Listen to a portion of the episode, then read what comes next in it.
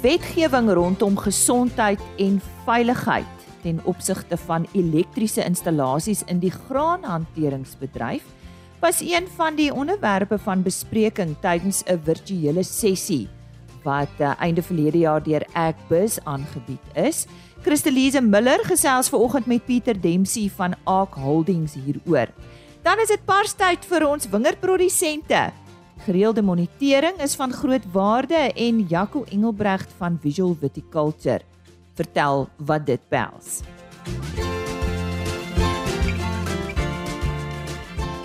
Goeiemôre, dis tyd vir RC Landbou. My naam is Lise Roberts. Wetgewende en voldoeningsvereistes rakende elektriese installasies en gevaarlike klassifikasie sonering het onlangs tydens 'n Agbus virtuele veiligheid en gesondheid omgewings en gehalte oftewel SHEQ werksessie onder die loop gekom. Pieter Dempsey, eienaar van Ark Holdings, het in die sessie onder meer wetgewing rondom gesondheid en veiligheid ten opsigte van elektriese installasies in die graanhanteringsbedryf bespreek. Christelise Miller het met hom gesels. Ons praat nou met Pieter Dempsey, eienaar van Ark Holdings, 'n elektriese konstruksiemaatskappy wat spesialiseer in elektriese nakoming. Uh, Pieter, good day. It's nice speaking to you. Let's start. Why is it important to comply with legislative requirements regarding electrical installations and hazardous classification zoning, especially in the grain storage industry. Christine, electricity forms an integral part of grain storage as well as other grain related industries such as animal feeds and milling plants. And besides the normal dangers that is associated with electricity, in Grain handling plants, explosive dust clouds generated by various processes exacerbate this danger. Owners of grain handling and storage plants have a responsibility under the OSH Act to identify areas where explosive dust clouds can occur. And for this, they would use a process called area classification. And, and what this means is that different risk profiles or zones are allocated to areas and electrical as well as mechanical equipment that has ignition sources must be selected and installed according to the different risk profiles of the zoned areas. These electrical installations are normally referred to as specialized electrical installations and ultimately compliance certification uh, as we call it certificates of compliance for these specialized electrical installations can only be done by a registered master installation electrician. Failure to comply with these rules and regulations not only expose the user and owner to the dangers, but also means that the person that is responsible for the installation is in contravention of the OSH Act. So, Peter, what does the Occupational Health and Safety Act, and that's Act 85 of 1993. So, what does that act states about electrical compliance? Firstly, electricity, as we all know, can be both friend and foe. If a consumer uses an electrical installation in a safe manner, then it makes the worlds of difference, no matter where and what the electricity is used for. If the installation, however, is unsafe or is used in an unsafe manner, then the same friend can become a real danger with deadly consequences. The following is very important to know. According to the Act, owners of electrical installations is responsible for the safety of an electrical installation, which includes the safe use and the safe maintaining of such electrical installations. Owners that lease properties must ensure that the lease contract or agreement includes a section in the contract that transfers the liability for the safe use and maintaining of the electrical installation to the tenant. Electrical compliance is specified in the OSH Act, and the Act Reference is made to the codes of practice, the SAB standards, as we all know, that contains technical detail and specifications for the construction of safe electrical installation. So, once a new installation is completed, or if changes are made to an existing installation, the legislation, in particular the electrical installation regulations, the EIR, in the OSH Act requires a registered person to inspect these changes that was made and if he is satisfied that it complies with the relevant regulations and requirements then must he issue a certificate of compliance for the installation or the part that was changed. Electrical installations, in fact, may not be operated unless owners or users can prove with a certificate that it is safe and compliant. Where does one start, Peter, if there is a suspicion that a facility qualifies as a hazardous location? Crystal, if you are, you know, not sure, then I think whether your installation that is is in fact a hazardous location or has areas that could qualify as hazardous locations, it might be important to start and look and see what the Act says and describes what a hazardous location is. So, in terms of the Act, it is an area where there's a potential for an explosive atmosphere to exist. And, and this could be either as a result of flammable gases, vapors, liquids, or, or combustible dust for that matter. And for these areas, the Act says specialized electrical installations are necessary. Now, for the purpose of our discussion, I'm going to focus on explosive dust atmospheres for the moment. The best place to start is to understand what an explosive dust atmosphere is. For um, an area or an atmosphere to qualify as an explosive dust atmosphere, there's five elements that you need. You need flammable dust, you need oxygen, you need an ignition source, which could be in the form of an arc or a spark or even a hot surface. The dust particles must be in suspension, in other words, in a dust cloud. All of this has to occur in a confined or an enclosed space. Then you have met all the five requirements for a dust explosion to take place. So almost all plant-based materials, the dust of these are flammable. All grain storage facilities uses electricity. They have oxygen, of course, and there is dust clouds atmosphere, which is inherent to the processes used in these facilities. And when you put these four elements into a confined space, like a silo or a hopper or a bin, the potential for extensive damage in the form of a dust clouds explosion is highly likely. The best remedy to prevent a dust explosion is to eliminate one or more of these five elements. If any one of them is missing, the dust explosion cannot occur.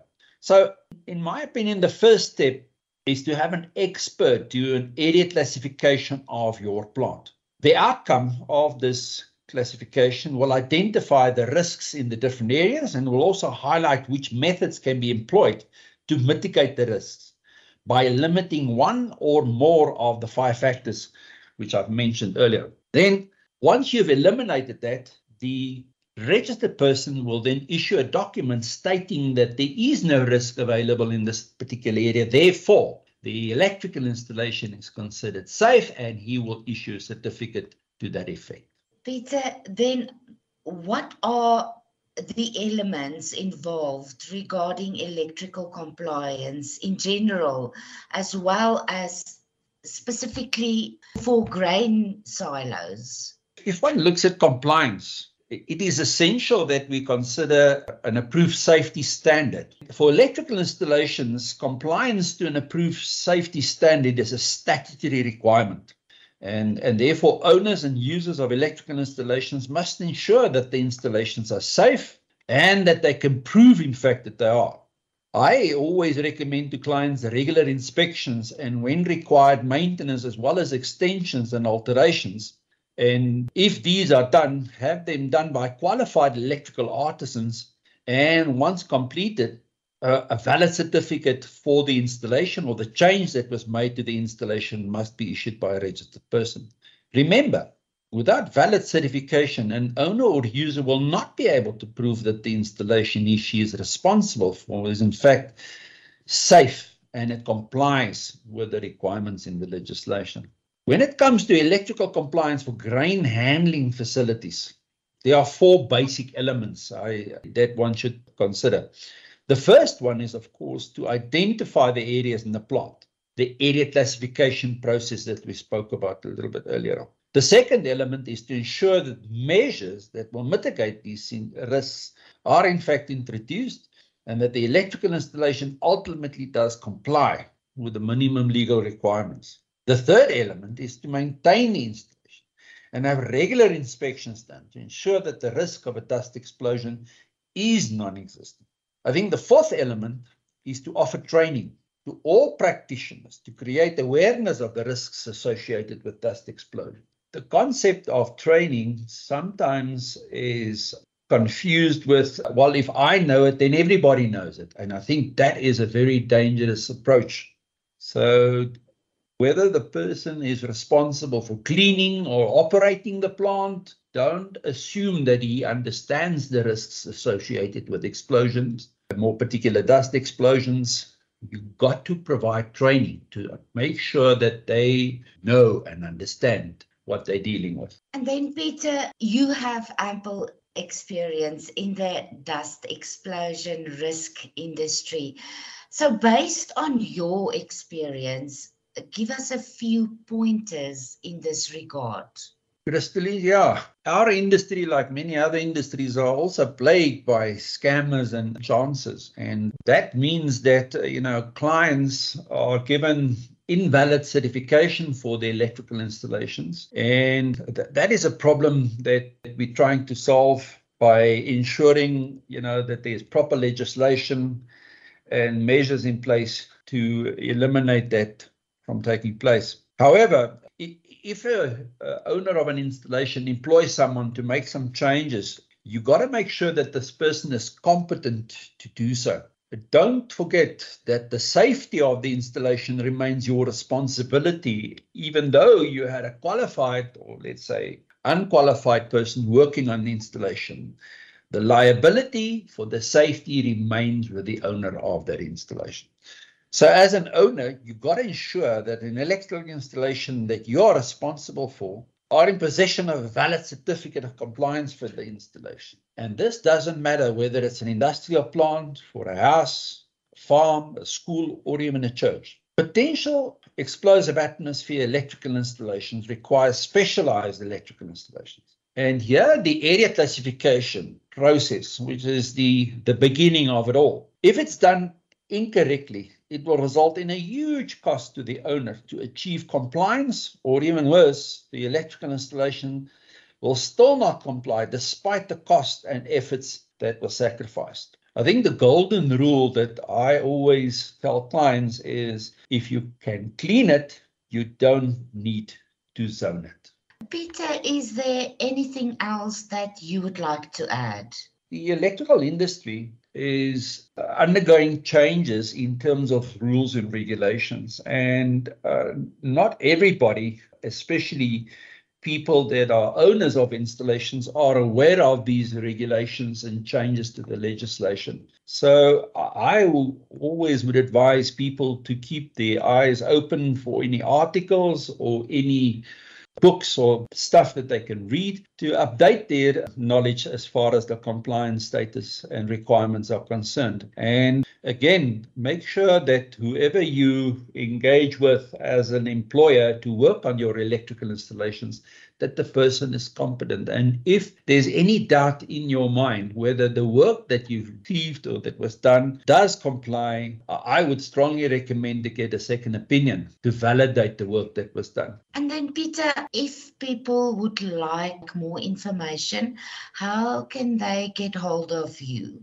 Christine, they're welcome to phone us. If they would like to make contact with me, my cell number is 082 two double four triple two nine seven. There is a landline available as well, and that's the Johannesburg number O double one eight nine two zero eight zero four. Christelise Miller daar in gesprek met Pieter Dempsey. Hy is die eienaar van Ark Holdings.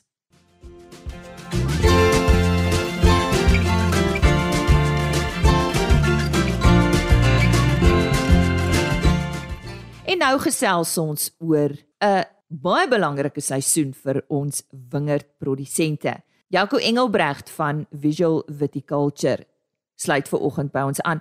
Jaco, waar is ons nou in die wingerdseisoen? Wel, ehm um, ons het hard gewerk hierdie seisoen in 2022. Ons is nou in die opwindende gedeelte van van die kalender. waartoe ons almal gewerk het die laaste tyd. So dis nou Parstyd of Oestyd. En ehm um, 'n klomp van die manne het al in die Robertson area is al so 'n week of 2 aan die Pars met hulle vroue Chardonnays vir ehm um, Vonkelwyn of MCC. En ehm um, ons is so op die brink van 'n paar vroue Pinotage en Shannons wat ons gaan begin invat. En dan so oor 'n week of 2, hier soos ek sê van einde einde van die maand tot begin Februarie gaan dit wees all systems go. Dan is dit ehm um, dan soos aan die paars. Nou wat behels jou werk op hierdie stadium? Ja, so ek is 'n wingerdboukundige konsultant en ehm um, hierdie tyd van die jaar is dit nou belangrik as monster neem want ons moet seker maak dat al die werk wat ons gedoen het dat ons nou die drywe op hierdie ehm um, holgeryde woord van ehm um, optimale rypheid ehm um, moet pluk. So dit behels 'n klomp goed wat almal gebruik nie. Ons ek gemaak baie, baie gebruik van tegnologie, so ek gebruik satellietbeelde um NDVI's, normalized differentiated vegetation indexes. En dit is 'n satelliet wat 'n foto neem elke 5 dae van um die hele aarde en ons kan um beelde kry, visuele beelde wat vir ons verskille in vegetatiewe groei wys. So ons het 'n kleurkaart met rooi, oranje, geel en groen en dit kan vir ons wys waar gedeeltes is waar die plante vegetatief of geiler groei en dele waar die waar die plante bietjie sukkel. Ehm um, ons kan dit nie met ons oë sien nie want ons kan nie in infrarooi sien nie. So die beelde wat ons gebruik is die ehm um, red edge band en die infrarooi vir die near infrared band en jy gebruik sagte ware om 'n uh calculation te doen. Daar's baie platforms wat dit vir jou outomaties kan doen ook. Ehm um, so ja, so ons gebruik dit en op grond van die verskille binne in die NDVI's kan ons meer doelgerig ons monsterneming doen. So ek kan gaan kyk waar 'n gedeelte is wat 'n hoër indekswaarde het en ook 'n gedeelte wat 'n laer indekswaarde het en ek kan my suiker monsters gaan neem in daai verskillende areas en ook wat baie belangrik is saam met suiker monsterneming is om te proe. So jy moet jou blokke baie baie goed ken, jy moet weet vir wat se geur profiele jy gaan en jy sal na tyd 'n paar jaar sal jy begine weet jy gaan jou blokke ken. Jy gaan weet wat is jou blokke wat vroeër is, jy gaan gedeeltes in die blokke leer ken. So die monsterneming is is baie belangrik om um so gereeld as moontlik in jou blokke te kom. Ek dink dis ook maar seker maar die belangrike um gedeelte van die monsterneming is dat jy actually daar is. Um weet ons het 'n klomp van die van my blokke wat is twee keer 'n week monster en um ek spandeer baie tyd met my wynmakers nou om saam met hulle deur te stap en te proe um want ek was obviously gereeld in die wingerde deur seisoen so ek weet waar ons gedeeltes het en ons gebruik die NDVI's deur die seisoen. Ek gebruik dit nie net in Parstyd nie. Ek gebruik dit deur die seisoen van einde Oktober af elke 5 dae met my kliënte want ons doen ons bestuur ook volgens dit. Dis seker nie 'n praktyk wat deur almal toegepas word nie. Wat is die voordele hiervan? Ek bedoel daar's baie boere wat dit wat dit nie gebruik nie. Um jong, on, ongelukkig is dit nie iets wat deur almal gebruik word nie. Weet, ek sê ongelukkig van die tegnologie is absoluut dit dit is insane. Elke keer as ek nog steeds as ek vir my kliënte gestuur en bel my, hulle vir my, "Maar die goed is aan dit is aan spot on." Ek sê ja, dis dis wetenskap. Dit is veronderstel om spot on te wees. So en die beelde is op die oomblik dit word deur die Europese um well European Spice Agency, dit is verniet op die oomblik op die internet beskikbaar. Jy moet net weet hoe om dit te verwerk en om dit te lees of jy iemand nodig om dit vir jou te doen. Ehm um, so dis eintlik 'n hartseer gedeelte is dat dit kos nie eens 'n helse klomp geld nie. Ehm um, maar ons is mos maar snaakse kreature in die wêreld. As iets verniet is, vat ons dit mos sê mos um we take it for granted. Omdat as jy betaal vir iets dan dan dan sien reg ons waarde daaraan. Maar ehm um, nee, ongelukkig gebruik almal dit nie. Ehm um, maar ek sal definitief ek bedoel daar so is fantastiese ehm um, platforms byvoorbeeld Fruit Loop is um 'n uh, een wat wat um deur departement uh landbou dink ek saam met dink iLeaf in Holland ge, gebedryf word wat 'n fantastiese platform is en dit baie eenvoudig maak vir die vir die produsent of die wynmaker. So um ek het, het baie al met Fruitloop gewerk. Ek doen my eie my eie verwerking van beelde want ek doen my eie geographical information cells. So ek hou my my layers sommer vir my al my Engels hou ek in my goed sodat ek dit kan met my kliënte na 'n paar weer bespreek want dit is belangrik ook om te gaan kyk waar's dele wat gesukkel het. Nou moet ons gaan kyk na na die seisoen weet hoekom het hierdie deel gedeeltes gesukkel. Is dit grond? Moet ons ehm um, kompos gooi? Ek gebruik ook die NDVI beelde wat ek in paarstyd het gebruik ek na die seisoen om grondmonsters mee te gaan trek sodat ek kan doelgerig grondmonsters trek en kyk hoe kan ek 'n verskil maak vir volgende seisoen. So volgende seisoen sal ons weer gaan sit met hierdie seisoen se beelde saam met die huidige een om te gaan kyk het wat ons gedoen het 'n verskil gemaak. Is daar impak op die kwaliteit? Is daar impak op die produksie? Is daar impak op die plant? So al die monitering wat ons nou doen is deel van dit is net 'n dit gaan net aan. Elke jaar tik dit net aan. Weet ons net om te kyk kan ons beter en beter en beter raak met dit. So ek sal definitief almal aan aanraai om NDV's te gebruik. Jy weet, ehm um, en dit sukses ons gebruik dit Ek gebruik dit om om om kliënte oor see ook te moniteer met dit. So jy kan dit van enige plek in die wêreld af moniteer en weet wat aangaan. So wat het ons boere in die verlede gedoen? Ja, tradisioneel, ek praat van 30 jaar terug, het ons nie selfone gehad nie, ons het die internet gehad nie, so ons het goed gehad dat ons aandag aftrek nie. So ons het ons voete gebruik en ons het gestap. Ons het tyd gehad. Ehm um, die die wingerdboukundiges van van destyds het soos hulle blokke intiem geken, soos elke liewe stok en ons ken ook maar ons het tegnologie met ons makliker te maak. So weet waar dit vir 'n ou 10 jaar gevat het om 'n blok te verstaan, kan ons dit nou doen in een seisoen. Weet ons kan baie makliker doelgerigte besluite neem omdat ons die tegnologie het om vir ons dit te weet uit te wys. Jy weet as ek 'n 'n blok gehad het van 3 of 4 hektaar, dan moes ek uit 3 of 4 hektaar deur gestap het om te sien o my hier is verskille. Waar nou het ek 'n snapshot en ek kan sien okay, hier is die verskille en dan gaan ek nog steeds na dit toe, maar dit beteken dat ek kan in 'n korter tyd baie meer effektief um my voetwerk actually benut. Jaco, hoe belangrik is dit vir boere om op die regte tyd die regte besluit te neem? Wel, dis dis een van die belangrikste goed wat ons wat ons moet doen. Um ek bedoel ons het ons staan in die reën en die in die in die koue en snoei en dan is dit weer dan kom die seisoen aan en waar die wind ons weg en dan vreet die muggies ons op en is dit dis dis 'n klomp werk met wingerdwerkers werklik werk regtig. Daar daar's verskriklik baie werk wat ingaan in om drywe reg te kry vir bottel wyn en dit is altyd so hartseer om te sien hoe min mense bereid is om te betaal vir 'n bottel wyn gegee wat aangaan en ook hoeveel gesinne word geraak deur 'n enkele produksie van een bottel wyn. Is dit daar gaan dit gaan deur baie hande. Weet van die mense wat geplant het, snoei, oplei, mense wat um oes, mense wat dit moet um sorteer, mense in die kelder, mense wat botteleer, labels, weet, dit is die wynindustrie um uh, ons ons bied werk vir baie baie mense in die land. So die die ding is weet jou as jy as jy nie jou blokke baie baie goed ken nie en as jy um uh, weet ons praat van pars koers. Jy weet as as een ou begin begin pars en bel die buurman en jou en sê Maar hy sê maar met ons nie maar begin nie want hulle sien nou maar Johan pluk al. Dan sê relax net. Weet ehm um, Johan se blokke is voor joune. Hy het 'n aan uit ander grond, uit ander groei. Ehm um, so die ouens kry soos baie erg paars koers. Jy weet almal wil net gaan. Maar as jy nou te vroeg begin paars en die drywe het nie daai oomf wat hy moet hê wat jy voorgewerk het nie. Dan het jy die hele seisoen het jy gemors eintlik. Weet of as jy te laat in 'n blok kom, nê, nee, en die blok het oorryp geraak. Byvoorbeeld iets soos wat baie vinnig dit net kan gebeur is iets soos Shiraz, want Shiraz kan baie vinnig van hierdie rooi vrug baie baie mooi um, wyn na hierdie oorryp jammy. Um ek bedoel as jy daai jam en daai drywe proe dan weet jy bliksem ek is ek is 'n week te laat, nê? Nee? Maar hoekom is jy 'n week te laat? Want jy was nie elke tweede dag aan daai blok nie. So nou daai hele seisoen se werk om blaartjies oop te breek en loetjies uithaal en lote reg te posisioneer, nou is die blok oorhyp. Kan niks aan doen nie. Niks nie. So jy die apartheid is super belangrik dat jy die hele tyd jou blokke kom, dat jy weet wat gaan aan. Ehm um, weet moenie skrik om Saterdag in 'n wingerd te wees nie.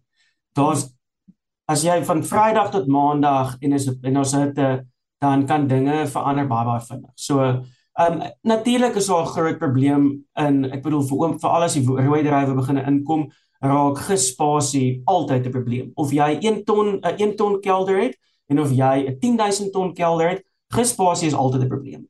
So ehm um, so dit is ook goed wat 'n rol speel en jy moet jou weet ons ons praat dan altyd van Tetris in die kelders. So jy moet maar jou Tetris mooi kan speel. Jy moet weet waar wat moet kom en jou beplanning moet baie baie goed wees en jy moet beplan 1 tot 2 tot 3 weke vooruit. Dit is baie belangrik. So dit is 'n dis 'n intensiewe tyd nou uh met betrekking tot beplanning en jy het 120 goed. Dan in in snoeityd dan het ek 3 en 'n half maande tyd om by al my blokke te kom. Nou moet jy elke week en ek werk in 'n 300 km radius en ek doen oor die 400 blokke wingerd. So is baie baie werk wat jy nou moet doen, maar dis exciting. Jy weet, dis lekker. Um dis vroeg lig, so gelukkig kan jy vroeg aan die gang kom. Die mooiste tyd van die dag is in elk geval half 6, 6 uur in 'n wingerd. So dis nou dis nou dis nou so dis 'n crunch time. Jy moet nou in die blokke wees. En so sê Jaco Engelbregt, hy's van Visual Viticulture. En ons het met hom gesels oor parstyd en ook monitering veral met die behulp van satelliettegnologie. Vir meer inligting, besoek gerus www.visualviticulture.co.za. Dis dan uh, my kuier saam met jou vir vandag. Maak gerus môreoggend 5uur weer so Johan van der Berg weer terug met ons weer nuus, maar dis nie al nie. RSG.co.za die volledige program daar beskikbaar www.agriorbit.com daar word ons onderhoude afsonderlik gelaai. www.agriorbit.com en dan sluit ek af met 'n e-posadres rsglandbou@plaasmedia.co.za ek wens jou 'n wonderlike dag toe. Totsiens. RSG Landbou is 'n plaasmedia produksie met regisseur en aanbieder Lize Roberts en tegniese ondersteuning deur Jolande Rooi